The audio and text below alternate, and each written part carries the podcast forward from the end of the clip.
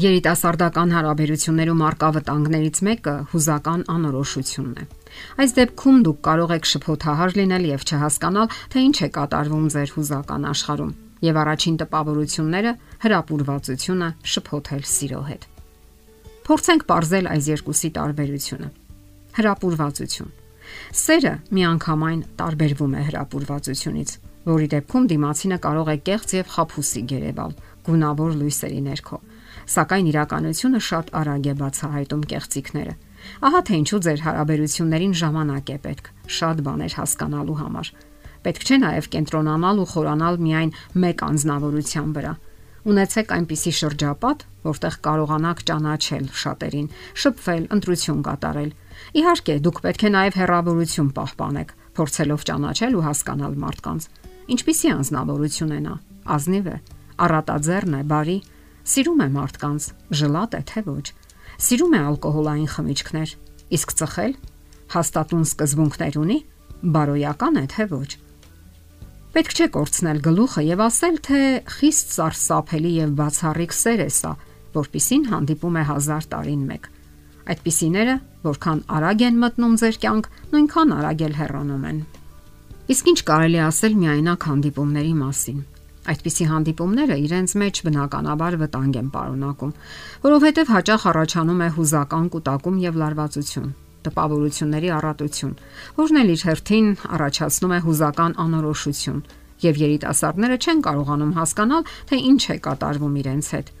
Ահա թե ինչու պետք չէ զարգ տալ միայնակ հանդիպումներին եւ հատկապես աչքից հեռու վայրերում։ Երբ հարաբերությունները սնում են միայն զգացմունքները, դրանք կարող են վաղ ավարտվել։ Պետք չէ կենտրոնանալ միմյանց վրա։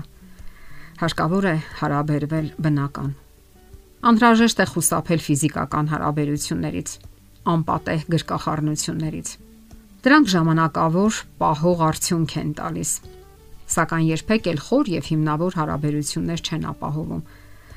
Հարկավոր է զրուցել ամենատարբեր բաների շուրջ՝ կյանքի մասին, միմյանց բնավորության, ուժեղ եւ թույլ կողմերի նախասիրությունների մասին։ Հարկավոր է հստակ հասկանալ դիմացինի բնույթը, տեսակը, ճանաչել նրա բնավորությունը։ Հարկավոր է նաև դրսևորել ներսում կուտակվածը, հույզերը, զգացմունքները։ Իսկ եթե դրանք չեք դրսևորում, նշանակում է, որ դուք ինքներդ էլ գլուխ չեք հանում սեփական զգացմունքներից եւ արդյունքում փակում եք դրանք ձեր ներսում։ Սակայն, երբ մենք համարցակվում ենք դրսևորել դրանք, հայտնվում ենք ավելի շահեկան վիճակում, քան նրանք, ովքեր չեն բարձրաձայնում։ Սոցիոլոգ Եվա Իլուզա այսպիսի արտահայտություն է դրել շրջանառության մեջ՝ սիրային կոնֆորմիզմ կամ այլ կերպ ասած սիրային հարմարվողականություն։ Սա ինքնին բացասական երևույթ է, երբ զույգերը parzapes հարմարվում են իրենց զգացմունքային իրավիճակին եւ ջանքեր չեն գործադրում դրանք բարձրաձայնել, ինչպես նաեւ շարժվել առաջ։ Իսկ երբ կողմերից մեկը չի ամաչում սենտիմենտալ երևալուց եւ բարձրաձայնում է իր հույզերը, նա կարողանում է խուսափել սիրային հարմարվողական վիճակից եւ առաջ է շարժվում։ Գաղտնիք չէ, որ այսօր մենք ապրում ենք հուզական բարդ ժամանակներում, որ սերը այնքան էլ լավ ժամանակներ չի ապրում։ 70-ական թվականներից սկսած արագորեն փլուզվեցին այն կողմնորոշիչներն ու հենասյուները, որոնք թույլ էին տալիս ինչպես արցանագրել սիրային հարաբերությունները, այնպես էլ կայուն տեսք տալ դրանց։ Իսկ այսպես կոչված սեռական հեղափոխությունը բերեց բավականաչափ բացասական տեղաշարժեր։ Հասարակության մեջ տեղի ունեցան սոցիալ-հոգեբանական բացասական փոփոխություններ։ Խախտվեց հարաբերությունների հաստատման ժամանակագրական կարգը։ Եթե նախկինում անհրաժեշտ էր սեր ապրել, ստանալու համար սեռական հարաբերություն, ապա այժմ տեղի է ունենում հակառակ գործընթացը։ Հուզական կապ հաստատելու համար այժմ հարկավոր է սկսել սեռական հարաբերությունից։ Սակայն ինքնին գործող մերց շփումները, միայն սեռական հարաբերությունները չեն կարող անձնական հարաբերությունների հաստատման երաշխիք ծառայել։ Այսպես կոչված սեռական սերիալները սեռական զուգընկերների մշտական փոփոխությունը ապակայունացնում են անznավորությունը, Երբ կապը գործում է բացառապես սեռական հարաբերությունների ֆոնի վրա, ապա հարաբերությունները նույնպես ընկալվում են որպես այս ռոպեական ժամանակավոր մի բան եւ նույնիսկ առաջ չի գալիս այդ հարաբերությունների ձևի ու կառուցվածքի ձևավորման հարցը։